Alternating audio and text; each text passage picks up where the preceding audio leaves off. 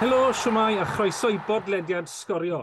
Hwn yw'r rhifin ola ni edrych ar dymor domestig 2022-2023 yng Nghymru, ond peidiwch boeni, byddwn ni yn parhau dros yr haf gyda pod rhyngwladol, fe byddwn ni yn dilyn tîmau Cymru yn Ewrop, ac mae yna trit arbennig ar y ffordd i chi dros yr wythnosau nesaf hefyd.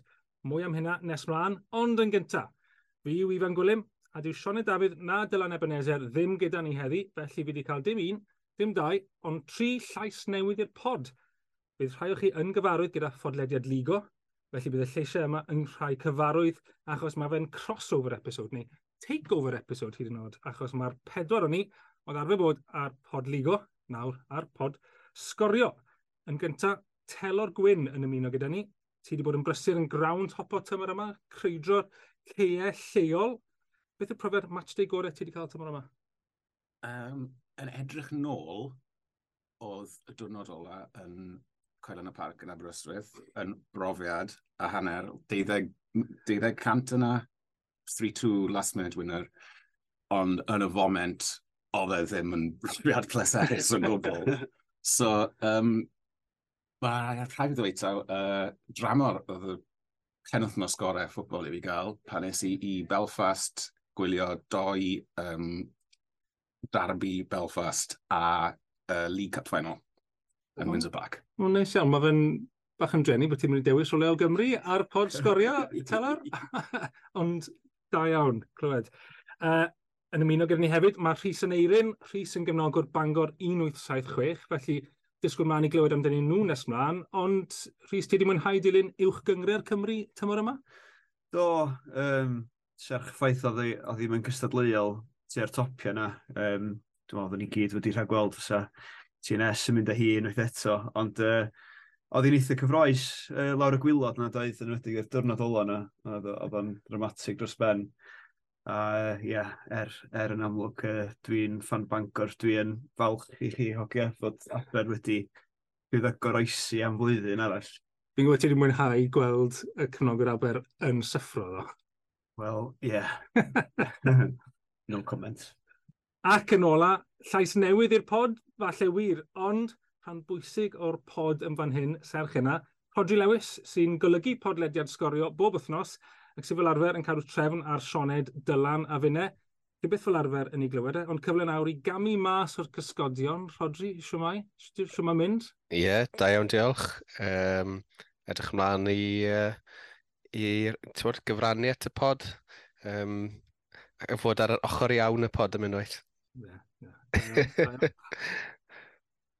so, be yw'r plan heddi, Rodri? Wel, wneud be ni fel arfer yn wneud.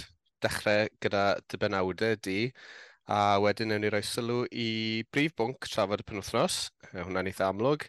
A wedyn ar ôl ni, newn ni round-up o gyngreiriau Cymru. Pwy sydd wedi ennill, pwy sydd wedi colli, pwy sydd wedi cael trwydded, ar er gyfer dyrchafiad, yr er holl ffordd lawr i hain pedwar. Uh, ond yn gyntaf, Ifan, ar gyfer y penawdau, you're good to go. Yn rownd derfynol y gemau ail gyfle disadwn sadwn nath hwlffordd o drenewydd ar gicio'r smotyn wedi'r gêm orffen yn gyfartal, un yr un ar Barc Latham. Pori Shepard oedd yr arwr yn rhwydo o'r smotyn i sicrhau buddigoliaeth i ddetholion isaf y gemau ail gyfle. Bydd hwlffordd felly yn cynrychioli Cymru yng Nghyngres Europa dros yr haf, ynghyd â Cheicona a Ffenabont. Pangorchiadau a phob lwc i'r tri tîm. Wel, dyna yw'r prif bwnc trafod, felly, uh, dre newydd, uh, un yr un yn ebyn Hwlffordd yn rownd derfynol gemau ail gyfle, a Hwlffordd am yr ail wythnos yn olynol yn ennill ar gicio'r smotyn wrth wedi iddyn nhw wneud na yr un peth wythnos diwetha yn erbyn Met Cyrdydd yn y rownd gynderfynol, a mi oedd na dorf mowr na rhys nag oedd e. Oedd, um, fi llwyddo cofio'r rhif, uh, 1826, so 1826 o bobl. A um, na, oedd o'n, fel rhywun oedd yn gwylio fe ar y teledu, oedd o'n wych cael gweld torf call yna. Um, dwi'n meddwl mae'n hawdd weithiau di galoni efo um, diffyg rhifa sy'n troi fyny i gema.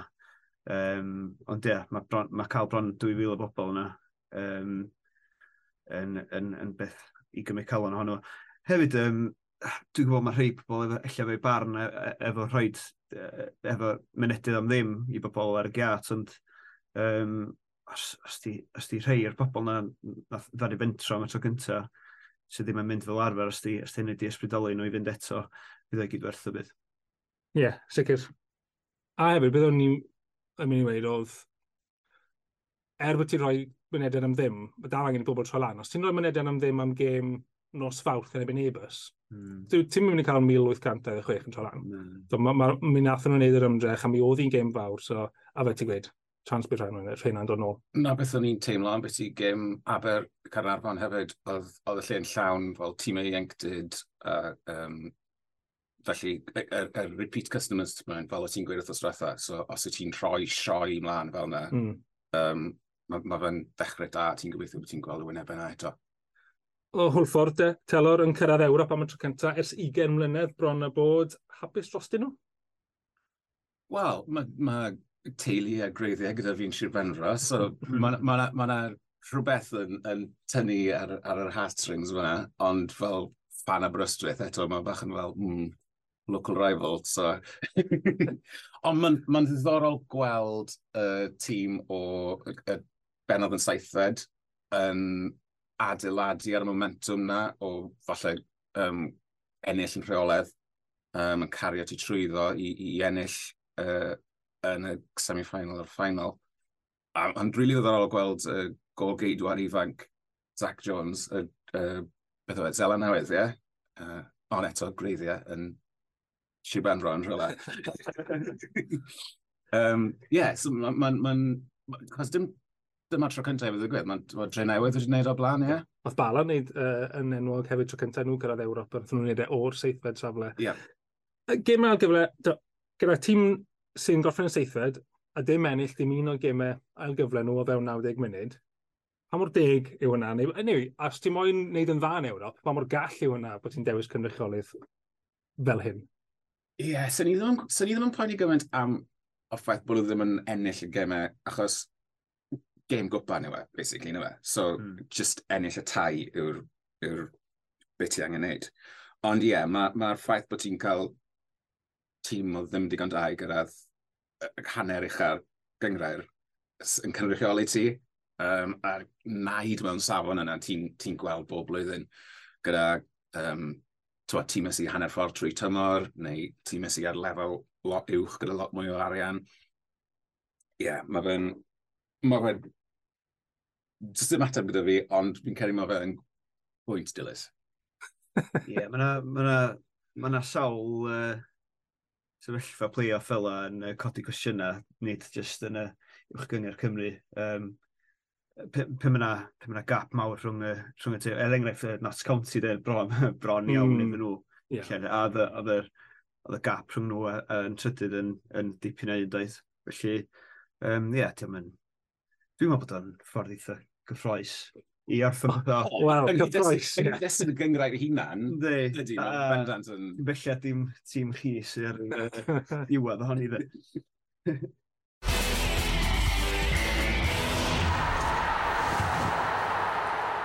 Reit, newn ni wneud bach o round-up o hain un a hain doi wrth ni symud lawr y cyngreiriau. Rodri, beth sydd wedi bod yn digwydd? Ni'n gwybod lot o hyn yn barod, ond uh, atgoffa ni beth sydd wedi bod yn digwydd yn hain un a hain dau tymor mam.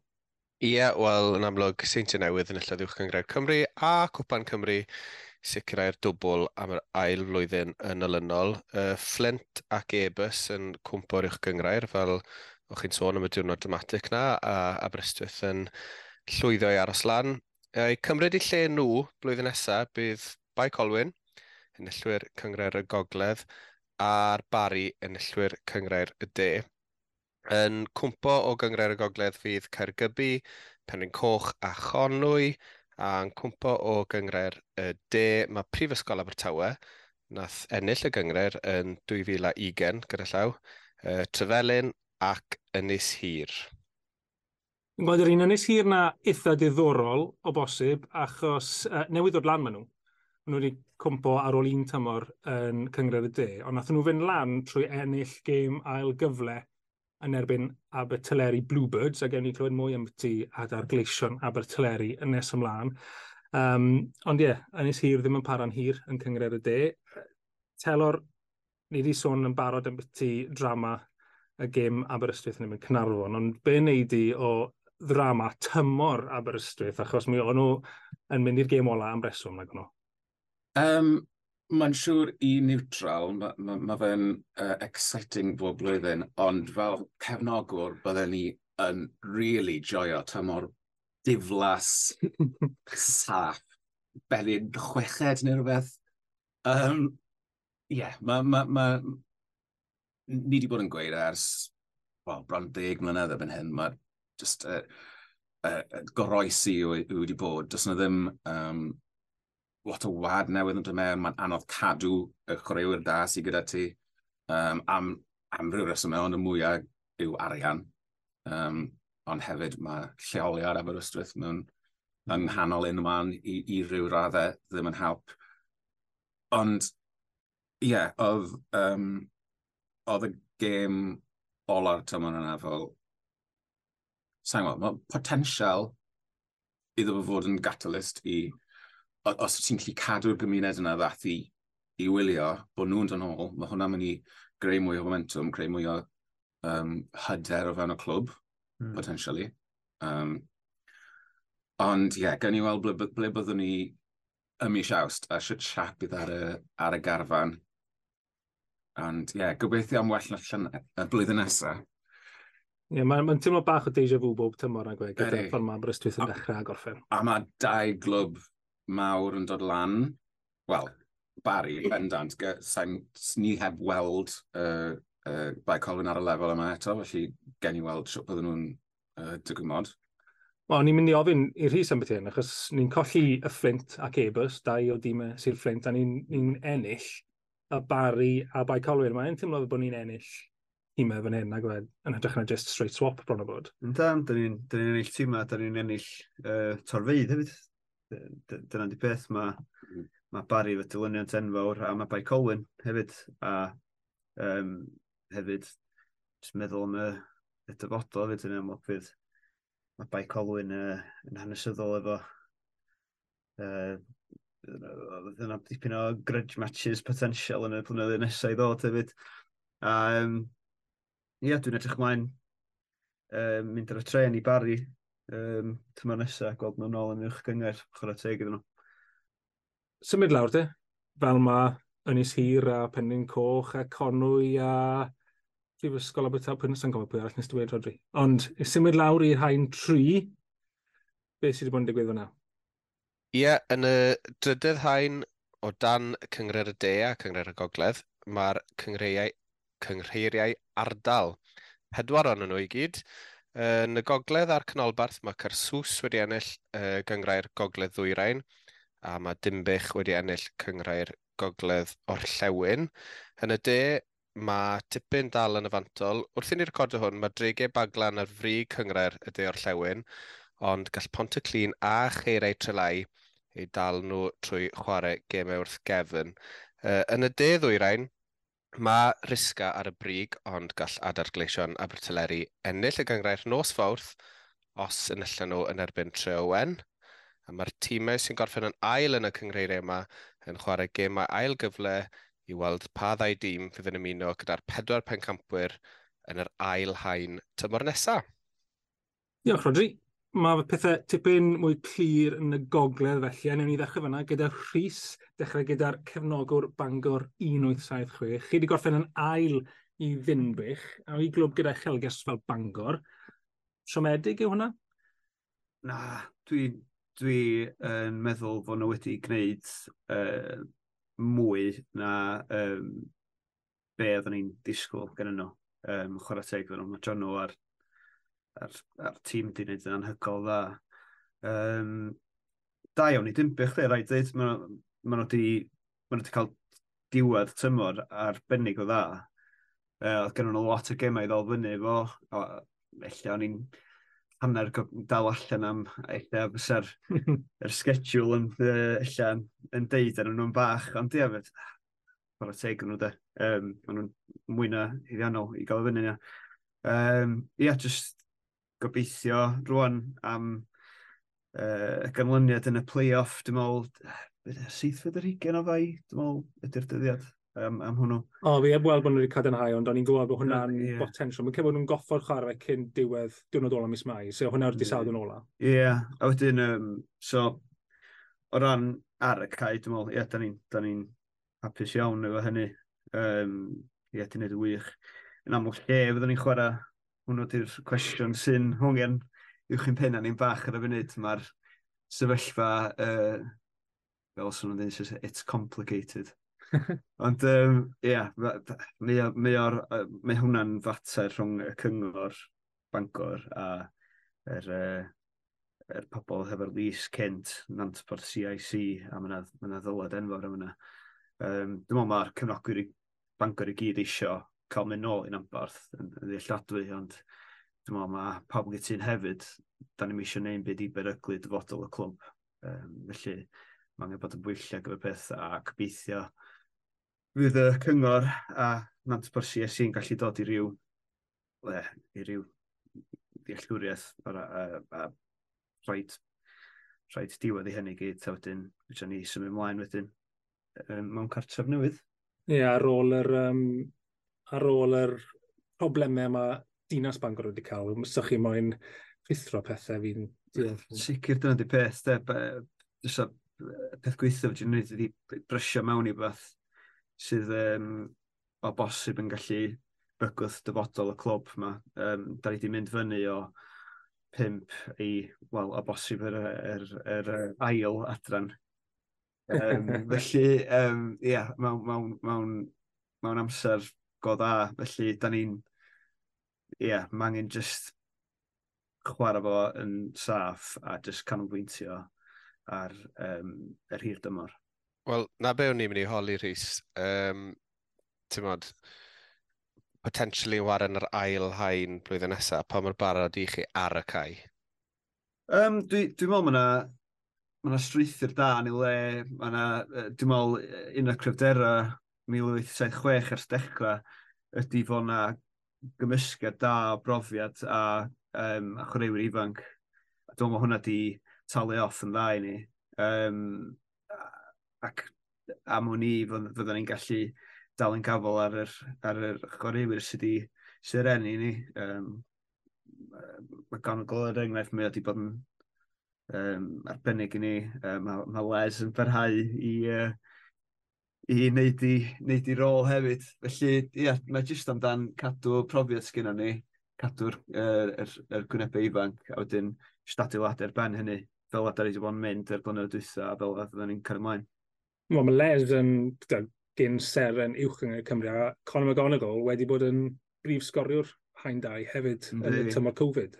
Ynddi, Ie, diddorol. Ond fel ti'n gweud, gewch chi gyfle i gael dychafiad trwy chwarae yn y gemau ail gyfle o bosib. Dyma un o gyffnodau mwyaf rhwystredig y tymor i fi, fi'n meddwl, achos mae'r trwyddedau wedi cael ei roi mas, mm. ond mae lot o'n clybiau heb gael, a mae yna gyfnod apelio. So ni ddim yn siŵr beth yw'r sefyllfa. Ni'n gwybod bod Dimbych a Bangor 1976 wedi cael trwydded yn llwyddiannus o'r gogledd o'r llewn, ond yn y gogledd ddwyrain, Cersws a Cefn Albion oedd yn ail heb gael llwyddiant. Felly cyn bod chi'n chwarae Cefn Albion, mae angen ni weld beth sy'n digwydd gyda'r sefyllfa apel.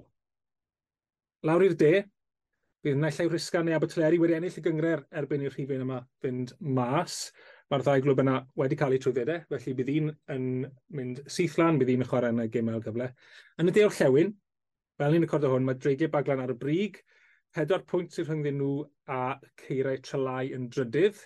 Mae Baglan wedi chwarae i gêm ola nhw nos fawrth a gallen nhw ennill y gyngred nos fawrth hefyd erbyn ni'n recordio hwn. Mm. Uh, ond mae gemau wrth gefn gyda Pontyclun yn ail a dwy gêm wrth gefn gyda Ceirau Trelai. Felly gallai'r ras yna fynd ymlaen at wythnos nesaf. Nawr telor, nes di weld gêm rhwng dau o'r cyffylau blaen yma yn barod tymor yma, do? Do, es i i Ceirau Ili pan o'n cresawu uh, Baglan Dragons.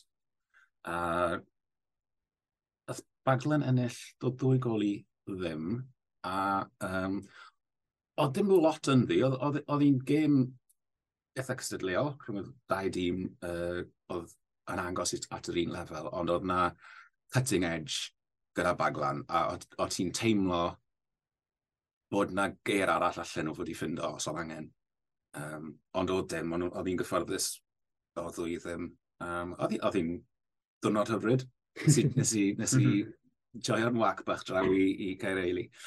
Um, ond mae Ond y clun ar y rhestr gyda fi, gan bod e eto yn commute bych eitha hwylus, ond achos mae fe mor hwylus, fi wedi bod yn rhoi off.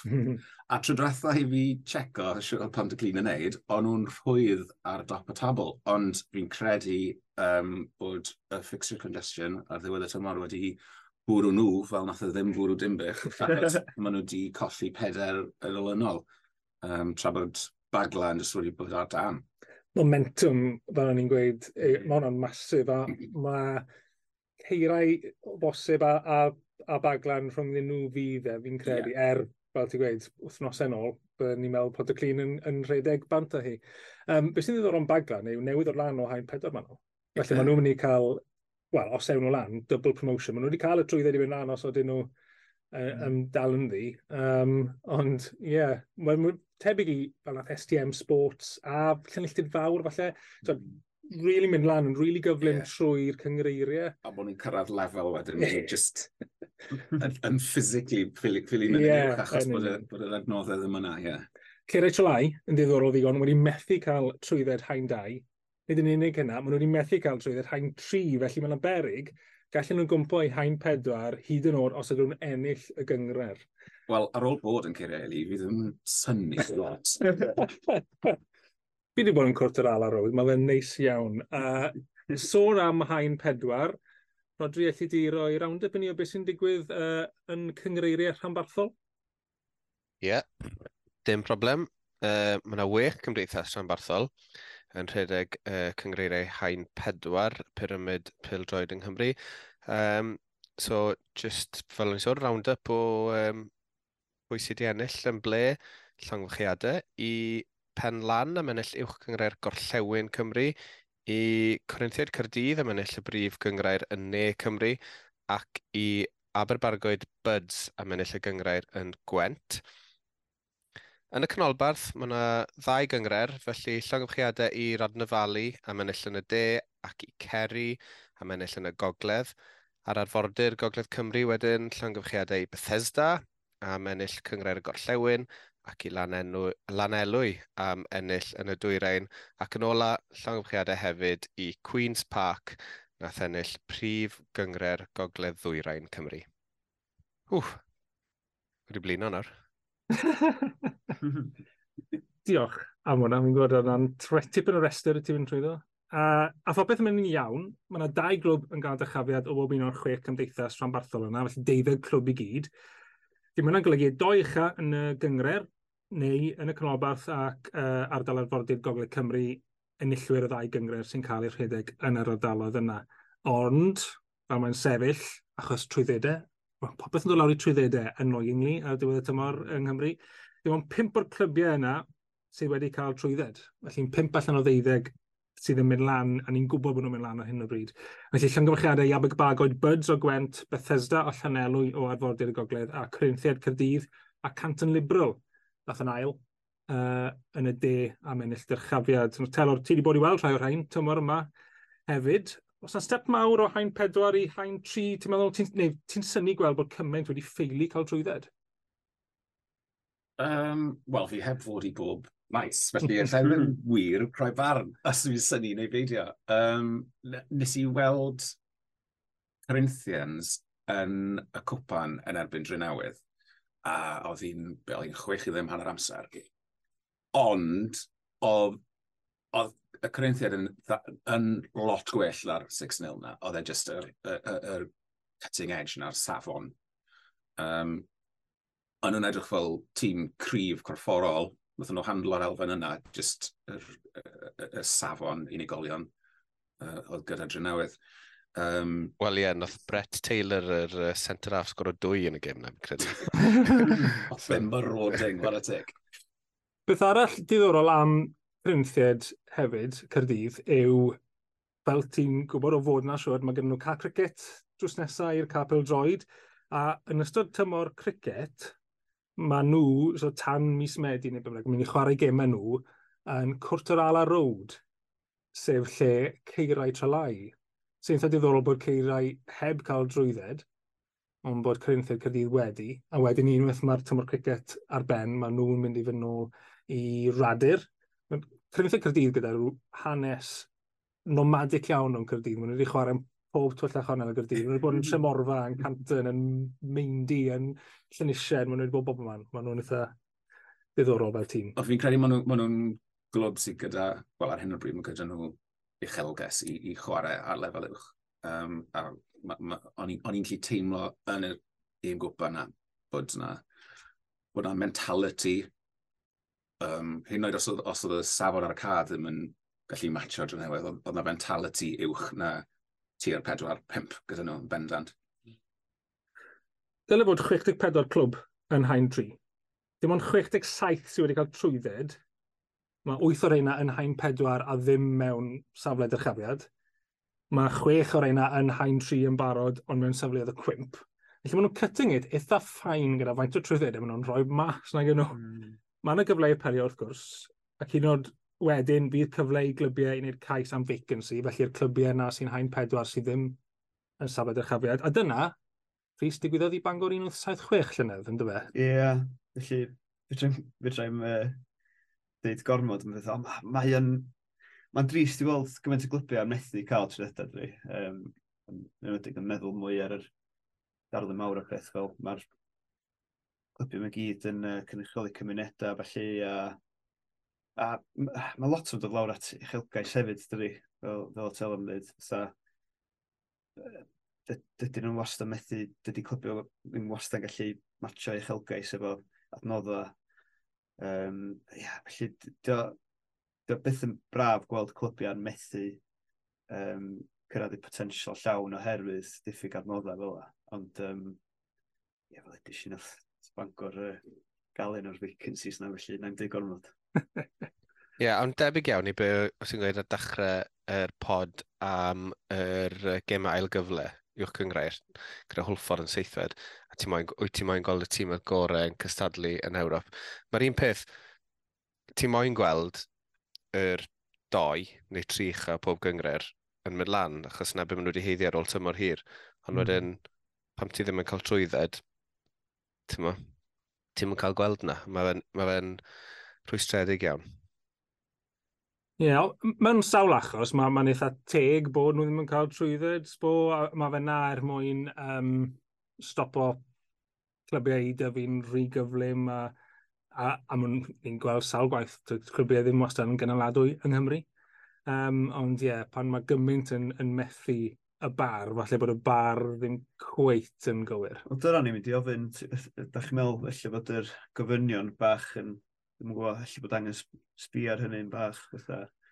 Falle na i ateb ti ar ôl y rownd yr apel. a fan sydd wedi cael mewn, mewn wythnos i ddau. Geri, a gyfer uh, hain dau, fi'n credu taw heddi fel ni'n recordo yw um, deadline ar y pil, felly erbyn diwedd yr wythnos, gallai gobeithio byddwn ni'n gwybod mm. os oes na gyda chi gêm ail gyfle yn erbyn Cernalbion neu beidio. Wel ie, ie. Ond dyna ni am y tymor domestig ar pod sgorio. Cadwch lygad ar y ras yna i ennill dyrchafiad o hain 3 i hain 2, yn enwedig os chi'n gefnogwyr Rysga, Abertleri, Baglan, Pontyclun, Ceirau Trelai, Cefn Albion neu Bangor 1976, Rhys. Bydd pod sgorio yn troi sylw at y ffines rhyngwladol mis nesaf, yna newn ni ddilyn y pedwar clwb o Gymru yn Castellin Ewrop. Ac cyn bod ni'n troi rownd, fydd tymor newydd yma unwaith to. Ond, Cyn hyn a gyd, mae yna gyfres arbennig yn glanio ar pod sgorio wythnos nesaf yn olrhain hanes ar i-rate A pwy yw'r i-rate chi'n gofyn? Wel, Rhys y Telor, gwedwch o fi, pwy yw'r i-rate Wel, yr i-rate oedd yr wyth tîm nath, uh, o, nath stico mas eisiau chwarae yn y pyramid Saesneg uh, a ddim dod nôl i chwarae yn uh, League of Wales pan nath i gael ei ffurfio yn 92. Uh, o'n i'n gweld y bysedd yn dod mas y ti, Rhys, ti'n gallu enwi nhw? Um, Bangor, Cynarfon, Mae Colwyn. Rhyl? Dyma, dyma sy'n sy profi mhwyntiau, achos mae'n gen i'n ddiddorol, achos mae'n bach a cloudy issue. Uh, Casnewydd. Merthyr. Merthyr. Ych chi dau ar ôl. Uh, Drenewydd? Drenewydd, cywir. Mae un ar ôl, un bach ar ôl o'r de. O, oedd y Barry Town? Barry, Barry Town. Wen, fi'n edrych mlaen i hwn gael ei gyhoeddi. Ni wedi bod yn siarad gyda cefnogwyr, cyn chwaraewyr, rheolwyr, cadeiriddion, haneswyr, gyd o'r wyth clwb yma am ei hanes, a gewch chi glywed yn iawn pwy o'r wyth clwb heb yr, heb yr oedi ar uh, crafu pen yn y pod sy'n dod uh, wythnos nesaf. Uh, ni wedi rili really mwynhau clywed eu hanes nhw, uh, tan bod fi'n siarad gyda'r pobl yma, a gobeithio byddwch chi adre yn hefyd. Cofiwch dan ysgrifio i'r pod os chi heb wneud yn barod, fel bod chi'n cael gafel ar y gyfres yna o straeon wythnos nesa. Ond am nawr, diolch i Rhys a diolch i Telor am ymuno gyda'r pod, yn neis cael y band back together. Diolch yn fawr, diolch. Diolch i Rodri, nid yn unig am ymuno fel llais, ond fel golygydd nes ymlaen. Diolch am olygu trwy'r tymor mi gei di uh, craft beer gyda fi um, yn fian pan fi'n gweld ti. Diolch yn fawr. Dim, dim cyn bo hir gobeithio fi dal yn dod dros yr Eurovision ar y penwthnos. a diolch i chi, Andre, am wrando. Gobeithio bod chi wedi mwynhau y tymor domestig yng Nghymru a ac yn edrych ymlaen am yr haf yn barod, uh, ond uh, tan tro nesaf, tara!